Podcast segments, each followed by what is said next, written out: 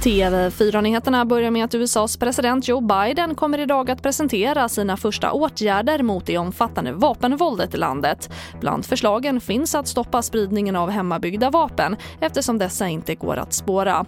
Men frågan är politiskt väldigt känslig och Bidens förslag väntas därför vara relativt blygsamma. Och på 26 akutsjukhus i Sverige kan personalen räkna med fyra veckors sammanhängande semester under sommarmånaderna. Det visar en enkät som Ekot skickat ut till 61 akutsjukhus i landet. 45 av de tillfrågade sjukhusen svarade på enkäten. Och det råder just nu betydande lavinfara på flera håll i fjällvärlden och just riskbedömning och beteenden på fjället med fokus på laviner ska nu studeras. Det är ett projekt som ska pågå i tio år och man planerar att följa 10 000 personer i vardera Norge och Sverige som rör sig i fjällvärlden. Vi ställer först en mängd bakgrundsfrågor och så ber vi också folk om att de ska eh, logga sina turer med GPS.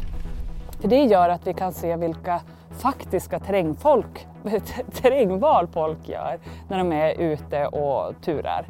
Och det sa André Manberg, professor i nationalekonomi vid Norges arktiska universitet. TV4-nyheterna, jag heter Charlotte Hemgren.